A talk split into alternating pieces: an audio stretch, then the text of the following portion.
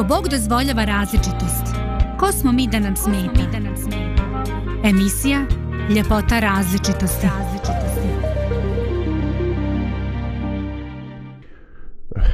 Pozdrav za slušalce Radio Pobjerenja. Drago mi je što smo ponovo zajedno i što mogu sve da vas pozdravim kao i kolegu Božedara koji je jutros uh, sa nama. Pozdrav, pozdrav, zdravko. Uh, Boždare, sjećam se jedne emisije u kojoj si pričao scenu koja te je doimila, ali vjeruj na neki način e, pomalo je e, bila potresna i za sve nas koji smo koji smo ovaj slušali tvoje svedočanstvo. Govorio si o stanici u nekom od gradova Bosne i Hercegovine, ali mislim da ne je bitne razlike o kojem se gradu radi.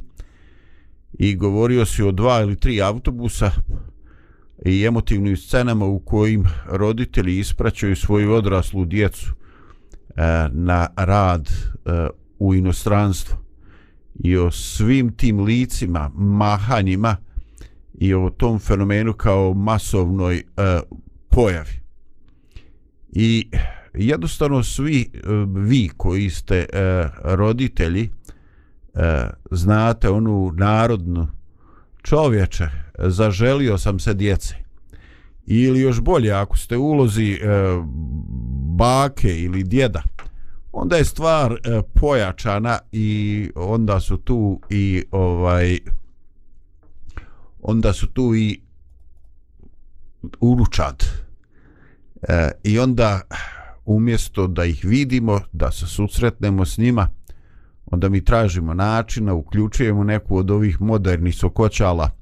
Viber ili Messenger i onda pričamo s našima najmilijima a onda kažemo pa daj malo daj da vidim djecu kako su jesu li zdravi? I tako. Ovaj, eh, Boždare jesi imao ti to iskustvo ili, ili makar jesi li imao svjedočanstva tog iskustva u kojima ti eh, ljudi ne kukaju na neku materijalnu situaciju nedostatak novaca nego ovaj kao svoju patnju izražavaju to što su jednostavno ajde mi to ovim krajevima kažemo e, željni su svojih e, najbližih željni su željni su lica njihovih. Kako kako je tvoje iskustvo? Hm. Ovaj pa dobro imao sam ja iskustvo takvo kad smo moja supruga i ja otišli na školovanje u Englesku pa posle toga u Ameriku a tad nije bilo ovih sokoćala što ti kažeš, mm -hmm. Zuma i svega toga, ove, ni Vibera, da se možemo vidjeti, a možemo za telefonom čuti, ali to je bilo i prilično skupo.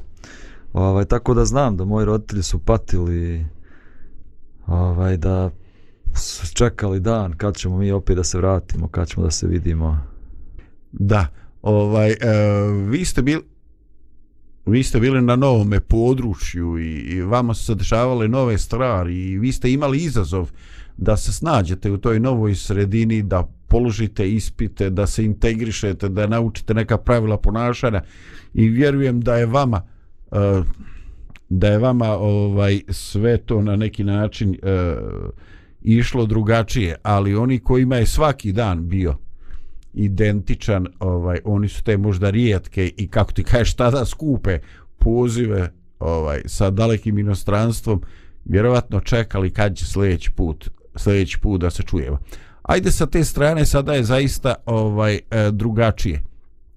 No, osim susreta sa najbližima, sa porodicom, sa onima s kojima dijelimo neko krvno srodstvo, ovaj, e, pošto bi stvarno jesmo vjerski radio, ovaj, e, kakvo objašnjenje ili kakvo asocijacije ili šta po tebi uglavnom e, ljudi misle ovaj kad e, spomenu izraz eh, susret sa Bogom.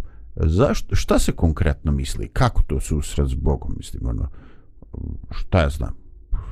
To sigurno nije kao susret nekoga ovaj glumca ili uh, sreo Novaka na aerodromu ili kako je, šta je već bilo neko od nas izjavio. E, šta ljudi pod tim misle? Koliko je to realistično? E, šta, šta obično šta stoji iza toga izraza iza te definicije? Da. Pa dobro teško mi se reći šta sad drugi ljudi misle ali ajde da pokušam ne znam. Vjerovatno misle ono doćeš Bogu kako ono kaže ist, Bogu na istinu. Bogu na istinu da, da. ovaj, to neki sudnji dan ili tako nešto, kad će se pojaviti pred Bogom, pa će mora dati odgovor za svoj život. Mm -hmm. Vjerovatno na to većina ljudi misli.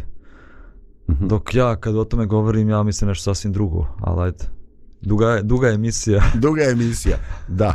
Ovaj, pa mislim da, da u tim nekim krugovima eh, koji se bave bilo kakvim oblikom duhovnosti, ovaj, e, da je često i to što pretpostavljam da je tvoj, e, da je u taj smjer u kojem se kreću tvoje misli, o, ljudi zaista misle na susret s Bogom e, već ovdje na zemlji kao neko unutrašnje osvjedočenje ovaj kao svijest kao svijest ovaj da da postoji da postoji Bog.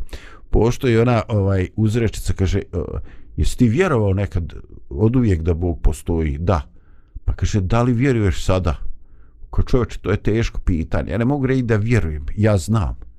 I onda kaže, to je jedino saznanje koje ima veliku istinsku vrijednost u, u mome životu e, Jung ko je to rekao baš ne bi želio da se, da se ovaj danas ispucam ali znam da se radi o, o jako poznatoj jako poznatoj osobi ovaj no kako god e, koliko god nam emotivno značili susreti sa našima milima i dragima e, mi definitivno ovaj definitivno svatamo e, koliko god je u ovome svijetu važno poznavati bitne ljude i pogotovo ovdje na našim balkanskim prostorima što ponekad ima i neke konotacije koje baš ovaj ne mirišu na neke zdrave društvene odnose.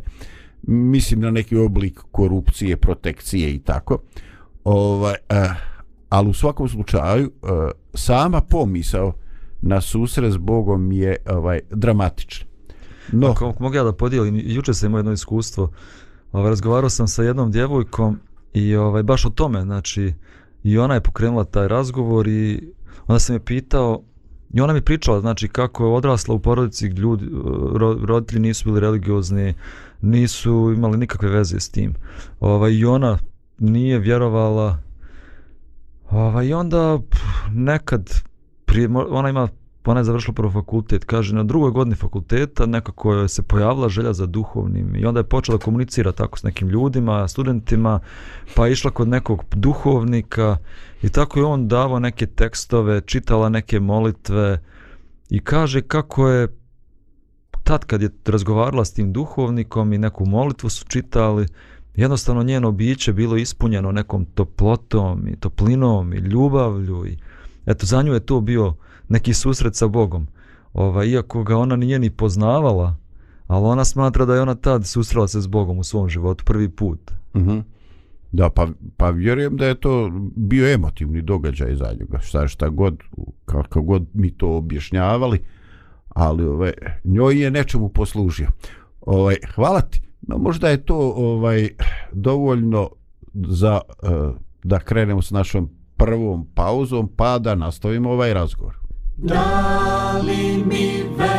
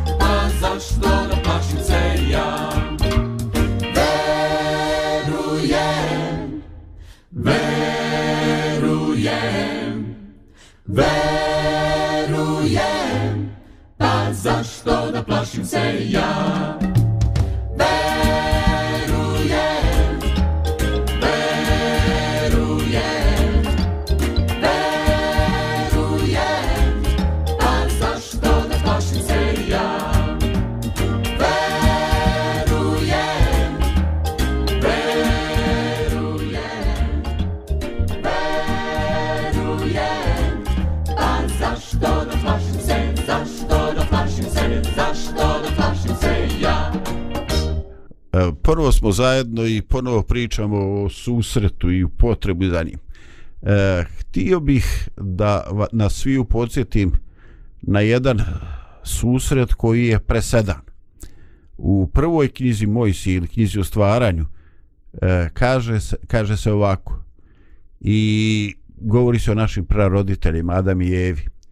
I začuše glas gospoda Boga koji iđeše po vrhu kad zahladi i sakri se Adam i žena mu ispred gospoda Boga među drveta u vrtu. E, iako se sve ono što se opisuje u prvoj knjizi Mojsijevoj prije toga e, djeluje zaista e, dramatično ovaj i priznaću meni makar nisu svi detalji posve, posve jasni očito je da tu postoji jedna otvorenost i jedna prisnost između stvoritelja i njegovih stvorenja s jedne strane. I od jedan put posle onoga e, događaja sa onom ovaj e, vočkom zabranjenom, sa tim osjećajem griže savjesti, e, mi saznajemo dvije stvari. Saznajemo da je Bog obilazio svoju tvorevinu i kaže on izgleda kao da je to bila praksa da on iđaše po vrtu kad zahladi da je taj smiraj pred veče koji je tako interesantan u prirodi i ovaj mislim da bi svi ovaj pecaroši ili ili sportski ribolovci mogli svjedočiti o tom nekom magičnom trenutku prelaska sa dana na veče ili noć.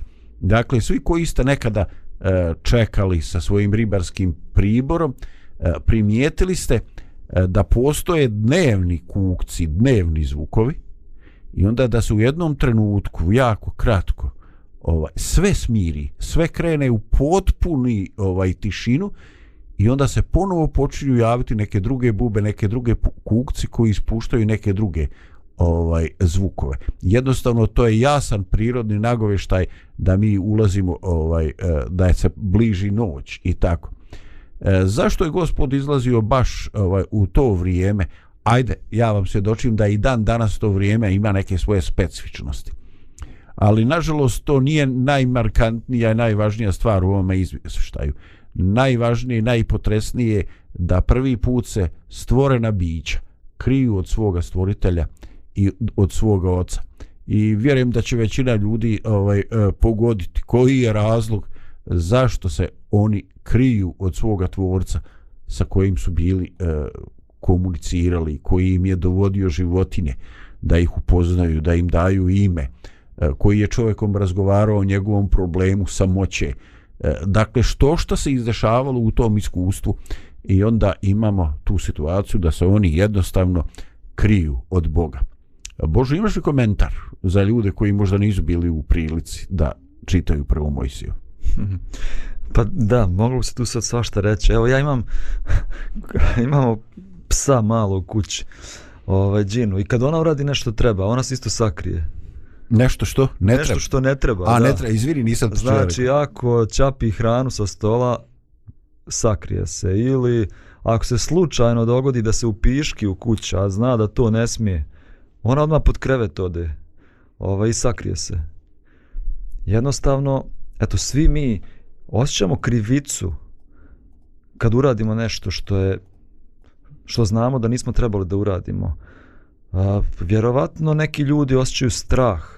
Mm -hmm. Znači, osjećaš strah ako ne poznaješ tu osobu. Dobro. Osjećaš krivicu, osjećaš strah i želiš da se sakriješ. A s druge strane, opet tu vidimo da nije Bog onaj ko se sakrio kad, je, kad su ljudi pogriješili i rekao je ne, sad više ne želim s vama da imam nikakvog posla i da komuniciram s vama. Nego on prvi započinje On se ponaša normalno, kao i do sada. Kao i do sada, ništa tu nije bilo razlike. Kao svakog dana on dolazi da obiđe njih i opet tog dana on dolazi, a oni se sakrivaju. Misle da mogu da se sakriju od Boga. Da, u, da. I onda ono pitanje, e, Adame, gdje si? Mislim, ono, da, i onda pitanje... Bog pita, Adame, gdje si? Što se skrivaš, Adame? Pa dođe, Adame, da razgovaramo, kao svakog dana što smo razgovarali. Zašto se skrivaš? Ne znam, evo, to je duboka je ta poruka, ne znam, to, to je naše ponašanje.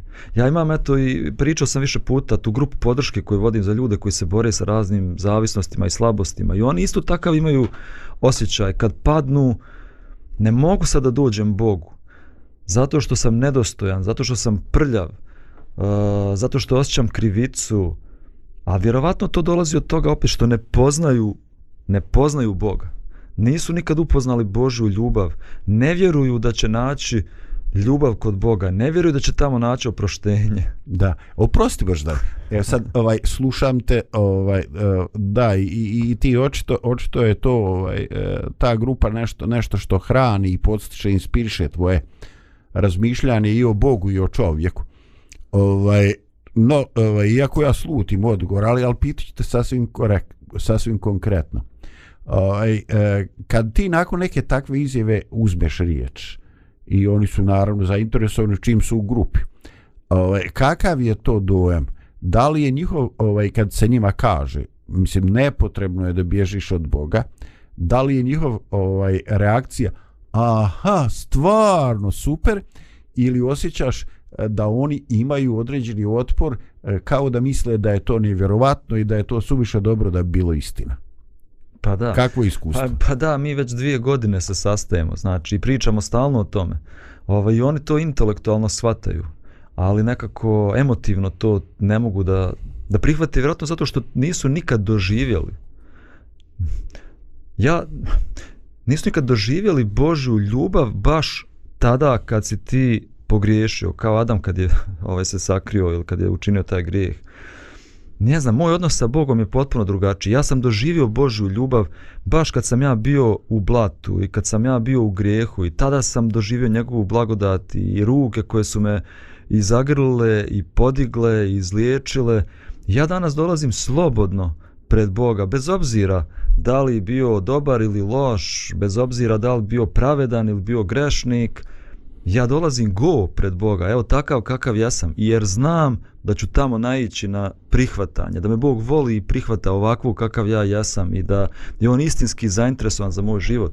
I zato nemam straha. Nikad ja padnem, nikad pogriješim, takav kakav sam dođem pred Boga, kažem Bogu iskreno ono što osjećam, nemam strah. Ali eto, pretpostavljam da mnogi ljudi nisu imali takvo iskustvo u životu i zbog toga imaju, imaju strah. Da. Ovaj, e, pa obično ljudi u iskustvenu sa našim bližnjim, u našoj porodici, ovaj, mi ne pogrešivo ovaj, odsjetimo kad je neka neprirodna tišina u kući. ono razumiješ ovaj znači niko ništa nije rekao niko ništa nije prigovorio Ali svi znaju. ali je ali se osjeti neka napetost ovaj i onda ti se okreneš i pitaš nekog od ukućana ovaj što je li ima neki problem ovaj e sada ili će neko reći ili će reći sa zadrškom ili će jednostavno supruga reći nema nikakvih problema ali ovaj to nema nikakvih problema je rečeno takvim tonom da ti znaš da si bilo svjesno ili nesvjesno da nešto debelo zabrljao, nešto si pogriješio. Da li si možda u, u, ovaj nešto nespretno rekao, da li si zaboravio neku godišnicu, nešto i tako. Uglavnom, buraz ti se zabrljao, drži se, a ovamo ovaj, e, osnovno značenje riječi je nema problema, ali sve drugo govori, brate, da ste u problemu do guše. Ne znam, takvo je moje iskustvo, ne znam, ovaj, e, ne znam, pretpostavljam da je to tako svagdje. No, ovaj ti si već stvarno na neki način odgovorio i na e, dao si i svoju ovaj sugestiju na ono što sam pripremio kao sljedeći biblijski izraz i biblijsku istinu. Ovaj e, od kakvog je uticaja Božje lice na čovjeka? Dakle, mi imamo tu prirodnu sklonost da se sklanjamo, da ovaj mi bi čak htjeli neki put da okajemo taj naš osjećaj. Et, eto šta košta što ovaj, kad su ljudi u pitanju, onda mi pitamo, a što hoćeš da ti kupim kad sam te razočarao, je tako? Ali, mislim, kod Boga je problem, ne, ne možeš ništa da mu kupiš. Ovaj, onda, onda ljudi ovaj su u istoriji pribjegavali nekim ponašanjima koja se, na primjer, u nekim tradicijama zovu pokora. Šta je pokora? Pa ti jednostavno radiš neku neugodu sebi, ovaj namjerno eh, da bi kao na neki način okajao okajao taj grijeh. Mislim, kao da čovjek zaboravi da niti Bog ima štete od njegovog grijeha, a još manje od njegovog samomučenja. Da to izgleda kao jedan jeftin pokušaj, evo, mi ćemo, mi ćemo ti Bože ovaj, e, žrtvovati se nečega, pa valjda ćeš se smilovati, ali uglavnom mi smo to eto nekom našim pokajanjem, nekom našom formalnom pokorom, mi smo to platili.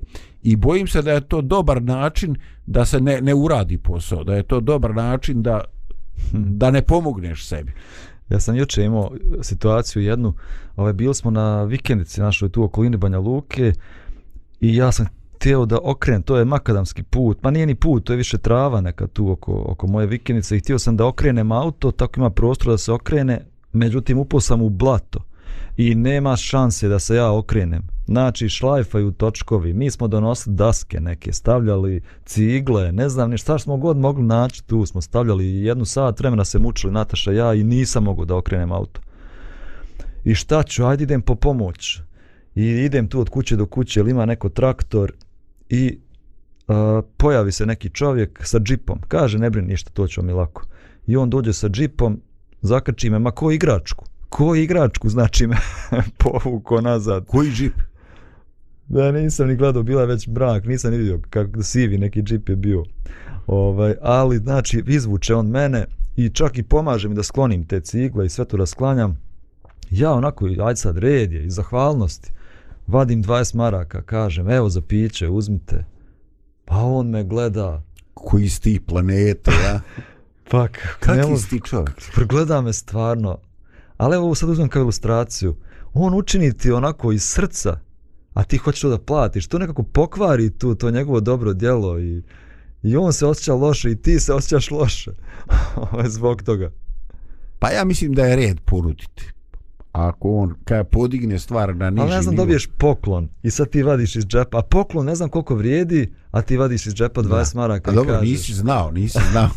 dobro, ne, ali, ali ja tebe sad pravdam. Govorim ovo u kontekstu Boga, znači, da. Bog nama daje svoju ljubav besplatno, blagodat Božja, ima ta riječ blagodat, baš mm -hmm. lijepa riječ u našem jeziku, ali do, skoro danas da se ne upotrebljava uopšte, ali ja kad je koristim i kad je čitam, ja zamišljam neki car, imao je blago, možda u kovčegu nekog imao blago, i onda je dao to blago ljudima koji to nisu zaslužili, koji nisu radili za to, jednostavno to što ih je volio, dao im je to.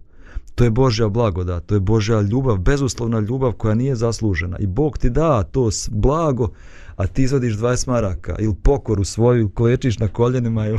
Da, da, šta ja imam od toga što ti nabijaš žuljeva na koljenima, da. Pa vrijeđaš ono ko ti daje taj dar. Da, pa stvar, ovaj, upravo tako što si ti rekao, blagodat u riječniku, jeli, ovaj, znači e, ničim zaslužena milost. Znači, izražena ljubav, milost, ali koja ne, ničim nije zaslužena. Znači, ništa ti sad nisi uradio, e kaj, e svaka ti čast, evo ti zaslužio si. Nis ništa. Bio si kenjac, nisi ni na što ličio, a opet si dobio. Ovaj, izgleda da je to stvarno problem čovjeku da primi, jer previše naše životno iskustvo ovdje na zemlji djeluje i mi na neki način ga preslikavamo na naš odnos s Bogom, što i stvara takve probleme. Baš tako, baš tako, jer, jer ovaj naš svijet u kojem mi živimo je svijet neblagodati. Tu nema blagodati nigdje. Kad kreneš u, u školu, daju ti ocjene prema zaslugama. Kad počneš da radiš, plata se određuje prema učinku. E, svaka institucija na ovoj zemlji počiva na neblagodati. Pa nažalost čak i crkve koje bi trebale da budu mjesta blagodati i one su mjesta neblagodati. Svakom daj ono što je zaslužio. I ni više ni manje, nego baš ono što je zaslužio. Mhm. Ništa od one komunističke sva, svako po svojim mogućnostima, svako prema njegovim potrebama. Kad su na kad izgubiš da, vidiš, više je bilo blagodati u komunizmu. Čovječe, makar teoretski. E, dobro, Boždare. E, ja sam od rane mladosti imao jedan poseban odnos uh, kad čitamo poslanicima Božijim, o prorocima. Imao sam poseban jedan odnos i posebnu naklonost prema caru Davidu ovaj jeste ja sam se ovaj smatrao da je knjiga o Jovu vrh vrh ovaj e, juče se javila jedna prijateljica ovaj ko, e, znali smo se prije nekih 30 ovaj godina pohađali smo istu crkvu e, i ona kaže pričala sam od s tobom e, sa apotekarkom i Šida. Mislim, meni to ne znači ništa. Ja ne znam ni gdje je apoteka u Šidu, davno sam tam bio i kaže ona se sjeća da te je pitala e, koju bi knjigu ponio kad bi morao da odeš na pust ostrov. Ja sam rekao knjiga o Jovu. Ovo, I onda je tu bilo još neki komentara, ja to naravno nisam ispitivao, bilo bi sujetno. Ovaj, onda ona e, spomenula neku svoju knjigu i tako. Neke riječi koje kažemo ljudi zapamte, neke ode u vjetar. Zašto je tako, ne znam. Ali ovaj, e, mi uvijek ostavljamo na ljude ovaj, utisak bilo da pamte naše riječi, bilo da ih iznerviramo i to. Kaže, svako u ovoj kući donese radost. Neko kad dođe, a neko kad ode svojoj kući. Tako izgleda bijeva u životu. E, meni je David bio poseban vas da radi toga što je on e, zaista bio ovaj e, pun emocija, pun života, e, radio je ludosti, e, žestoko se kajao, veselio se, plakao, grcao, Znači, ovaj, sve što je on živio i što je pokazivo je bilo, bilo puno, puno života. Ovaj, ali nikada nisam vidio da pokušava nešto onako da manipuliše druge ljude. I ovaj, zaista njegov život je stravično izazovan, ali eto, on ga privodi na kraju na način koji je zaslužio i ostavlja nam takvu plejadu nadahnutih nadahnutih tekstova kao što su psalmi Davidi. I u, psalmu Davidovom ovaj, e, on kaže e, uticaj Božijeg lica, jer o tome sve vrijeme pričamo. Kaže, on kaže Bogu, kaže, odvratiš lica svoje, žalostiš, uzmeš im duh, ginu i u pah, prah svoj povrećaju se. Interesantno, ovo je dakle Karadžićev prevod. Uh, doktor Ivan Šarić umjesto ovoj žalosti se kaže preplaše se. Ali jedno i drugo znači Bog okrene svoju glavu ljudi se pogube. Dakle, evo jedna značajna informacija za dalji razvoj razgovora i za razmišljanje. Dakle, čovjek neće, ne može dobro funkcionisati ako na neki način Bog nije okrenuo lice svoje prema njemu. A mi sa svoje strane u mnogim situacijama zakrećemo svoje lice od Boga. I to je absurd našeg života to je nešto što je istinski nešto što je ovaj istinski istinski problem. No, možda bi ovaj bilo u stvari bilo bi već krajnje vrijeme da mi napravimo još jednu pauzu pa da malo razmotrimo i ovaj problem.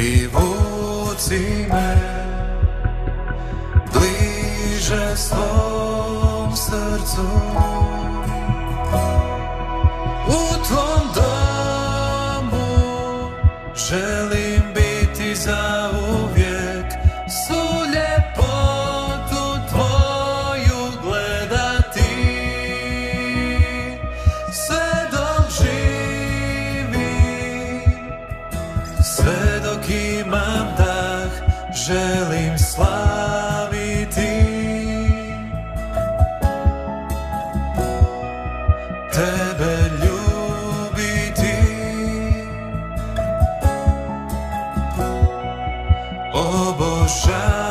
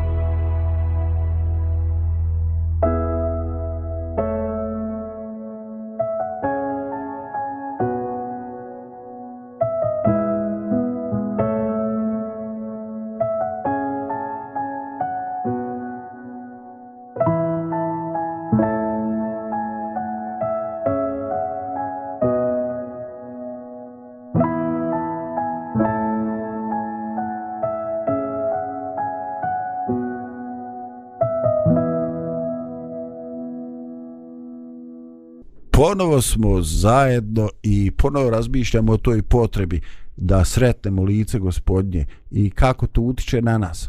Nažalost, e, mi očito vidimo u tekstove svetoga pisma da je Božja inicijativa i da on želi taj susret.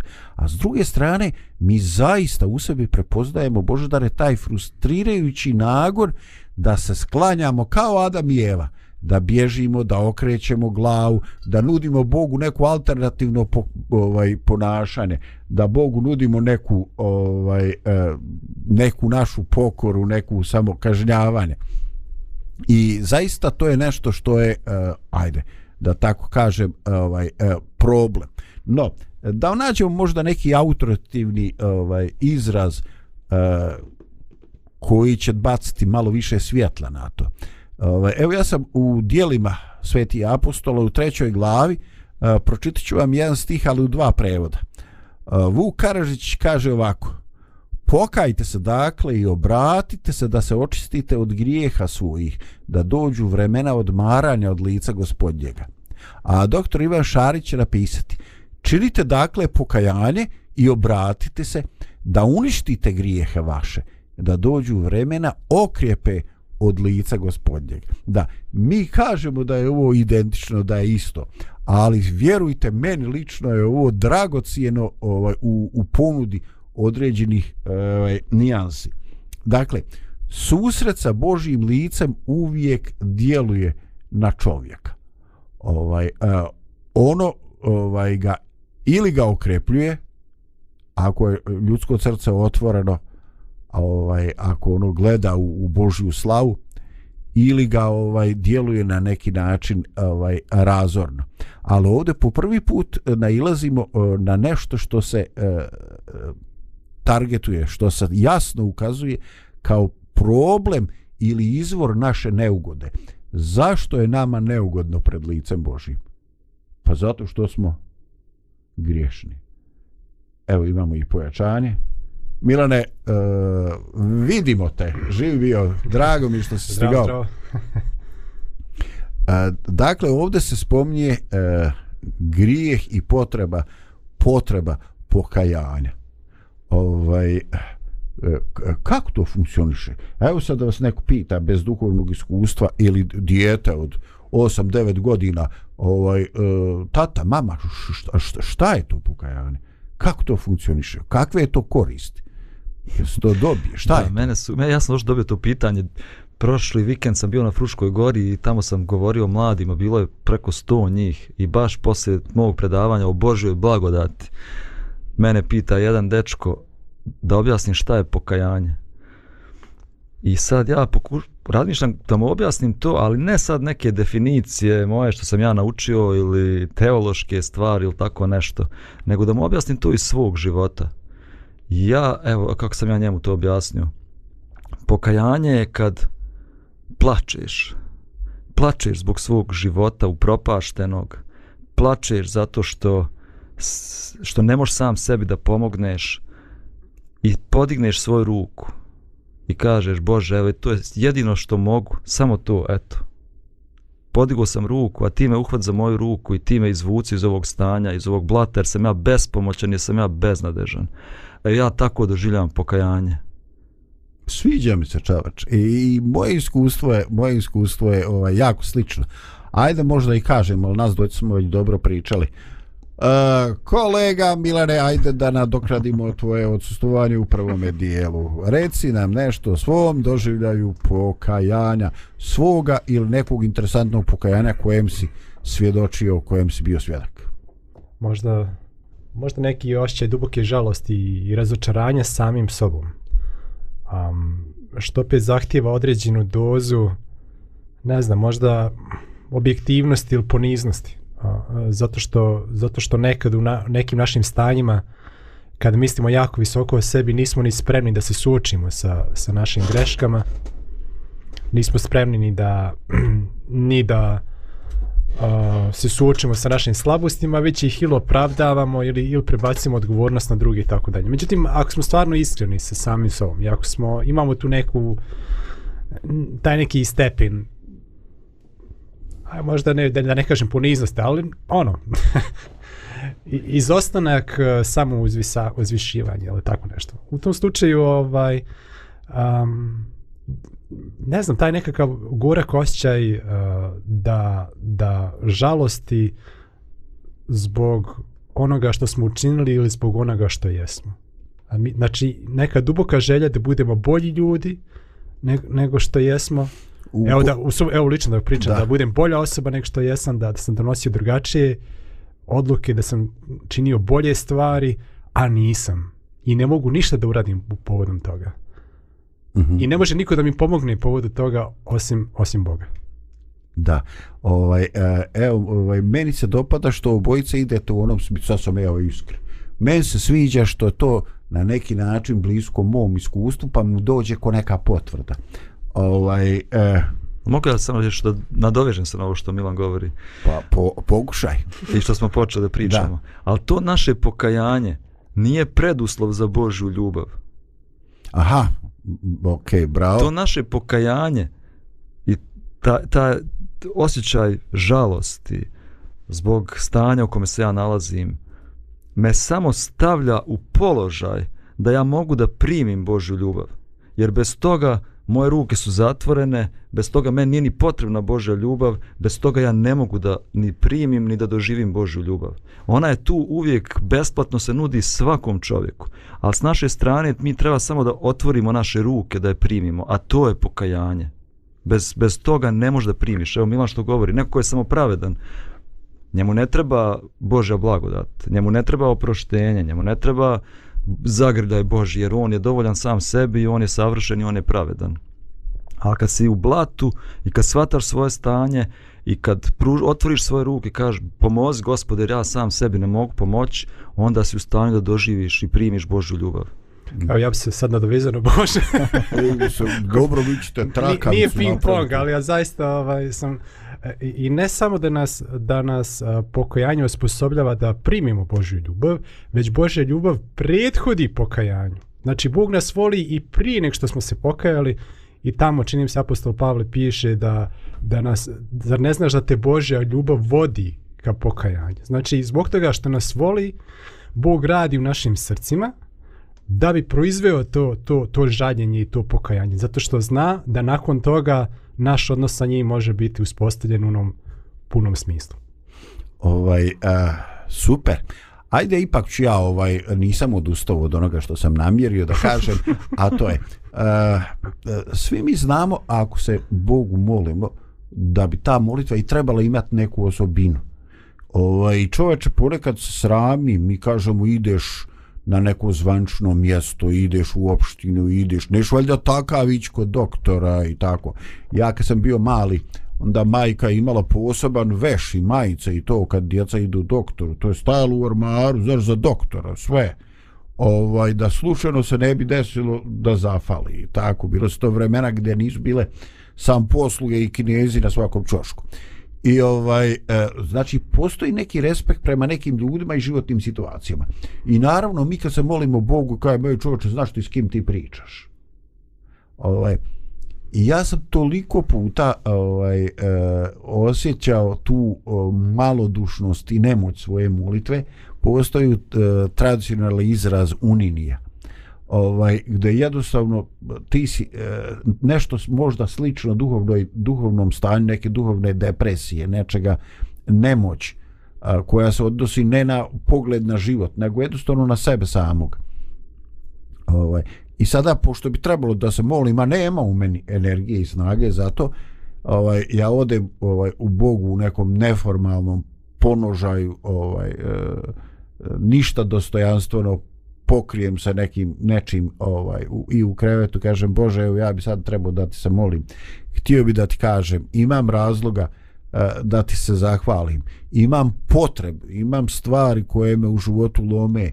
Znam da mi samo ti možeš pomoći ali moje tadašnje stanje je ja gospode ne mogu ni da pričam. Ja ti bukvalno nisam ni zašto i dok ja tako eh, nesvjesno vršim ne samo poniženje nego vršim neku realnu situaciju mog unutrašnjeg statusa.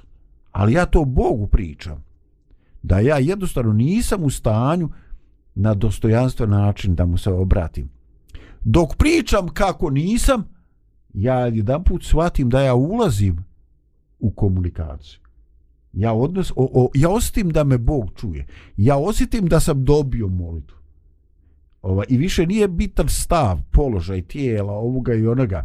E, I sam taj osjećaj odjedanput, odjedanput mijenja raspoloženje u neku dozu radosti e, i u neko hvalenje, u neko zahvaljivanje. Ovaj, I onda kažem, a Bože, a, a šta ja tem da kažem? Šta ja tem da objašnjavam? Pa ti si vidio čak i ovo kako se ja šugavo osjećam. Pa vidio se da nisam ni zašto i odgovorio si mi podupru. eto molim te nek bude tvoja volja ovaj možda da napravimo još jednu pauzu pa da se susretnemo sa onim e, najdramatičnijim izvještajima ili nagovještajima o sudbonosnosti e, uticaja ili susreta s Božim likom.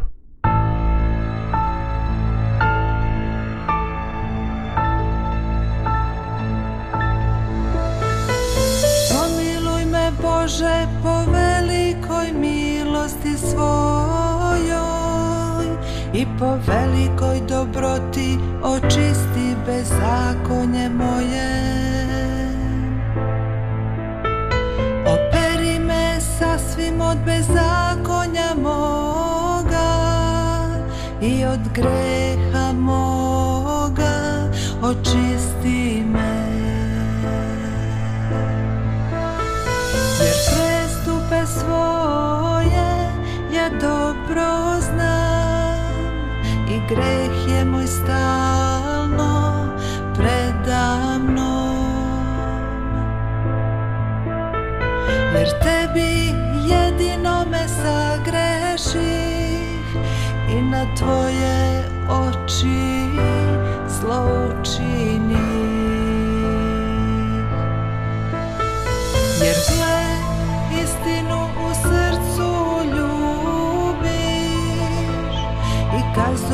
Mi tajne premudrosti svoje.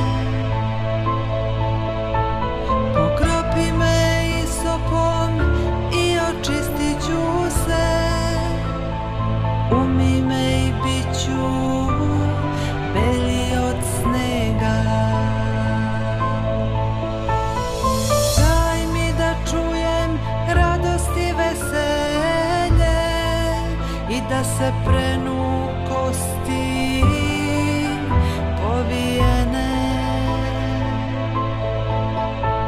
Odvrati lice svoje od grehova mojih i očisti sva bezakonja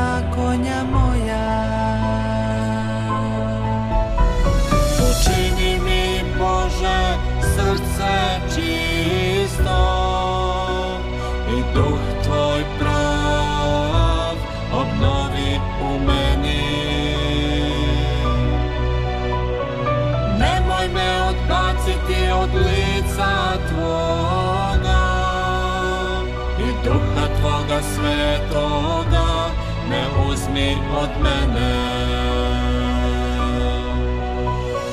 vrati mi radost spasenja Tvoga i vladalački duh učvrsti u meni.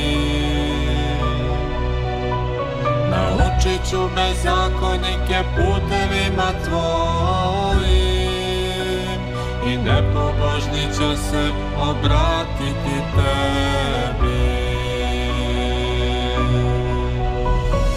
Gospode, otvori usta moja i usne moje će kazivati slavu Tvoju. Žrtva Bogu je duh skrušen, srce skrušeno i smireno Bog neće odbaciti. Po dobroti svojoj gospode čini dobro Sionu i nek se podignu zidovi Jerusalimski.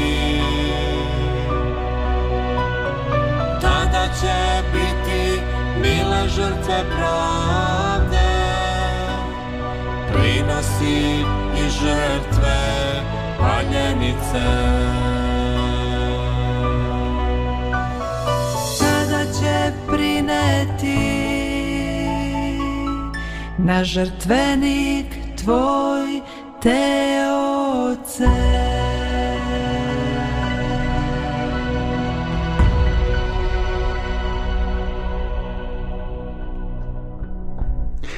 E, ponovo smo zajedno i e, razmišljamo ovim ozbiljnim riječima.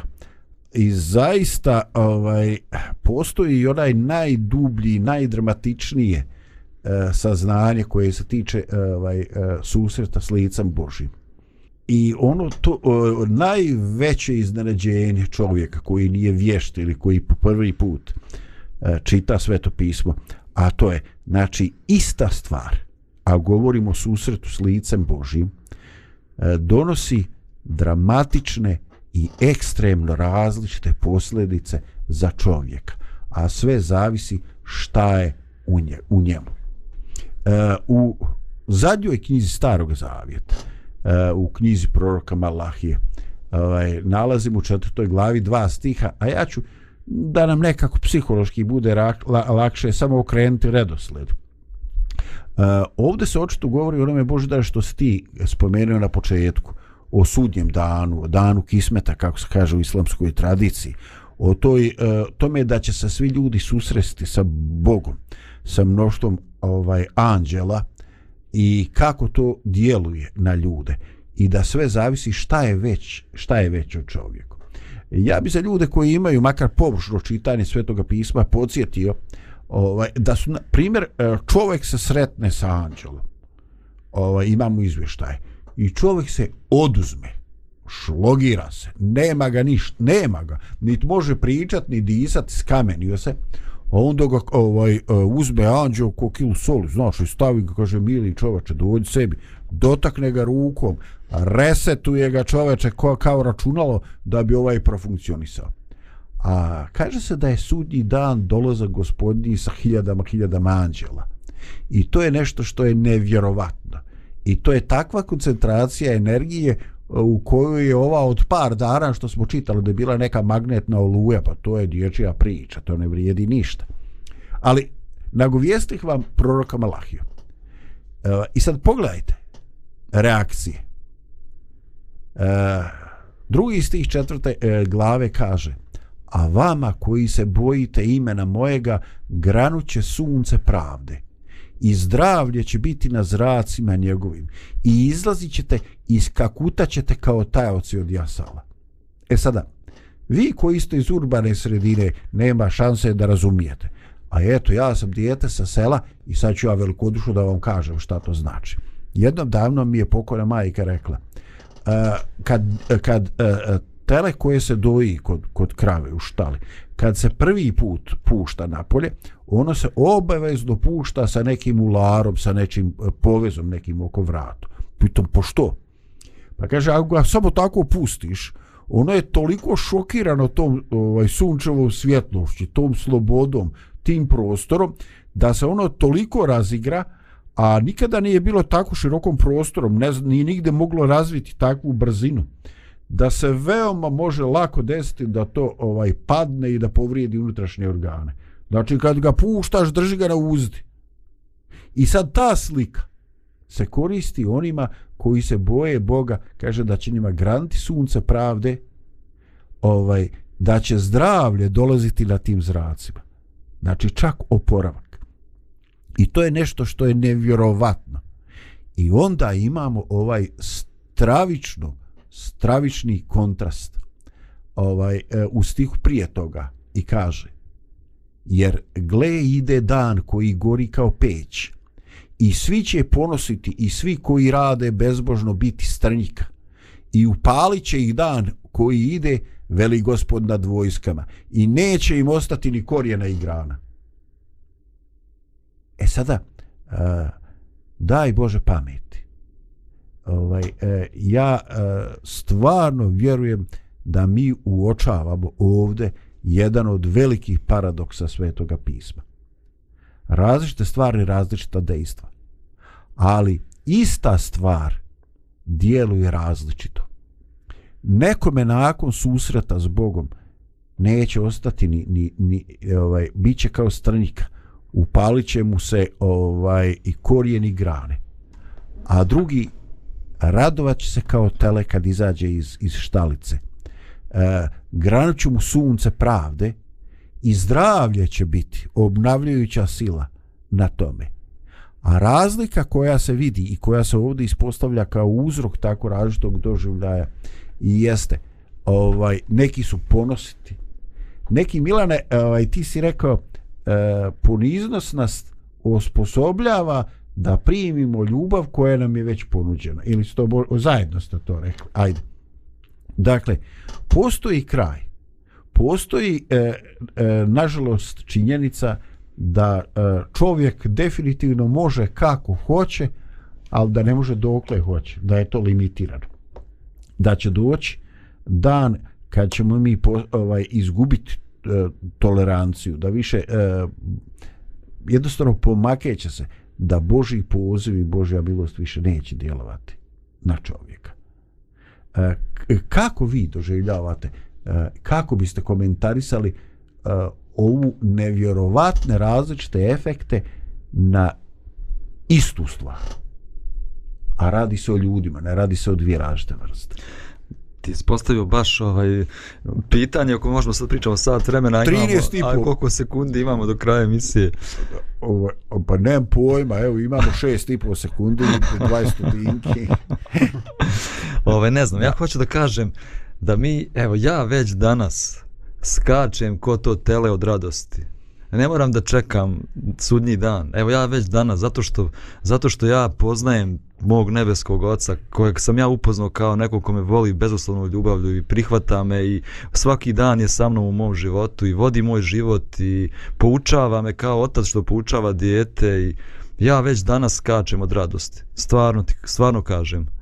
Ovaj, I zdravlje se obnavlja i sve se obnavlja u mom životu i baš sam čitao sam stih, kaže, izvana možda sve se raspada, ali iznutra se obnavlja sve. Ja tako doživljavam u mom životu. Izvana, starijim, evo, 50. rođendan, rame me boli. Dobro došao u klub. Ali iznutra imam radost i sreću i zadovoljstvo ovaj, u gospodu. A taj dan će doći, pa ja ne, ne pravim nikako razliku tog dana i svakog mog dana u životu. Kao što svakog ja dana srećem svog gospoda i provodim jutarnje vrijeme s njim, tako ću i tog dana da ga sretnem i da skačem od radosti, možda i više nego što sad skačem, što ću stvarno moći da ga vidim licem k licu. Ali opet ne mislim da će Bog koji je ljubav da pokazuje sada gnjev i mržnju prema onim drugima koji nisu živjeli s njim. Jednostavno doće dan kad će Bog mora da zaustavi zlo na ovoj zemlji, da očisti ovu zemlju, ovaj, da izvadi one loše jabuke, da ne bi sve ostale jabuke bile ovaj zaražene, ali to neće uraditi sa mržnjom i sa, sa nekim gnjevom.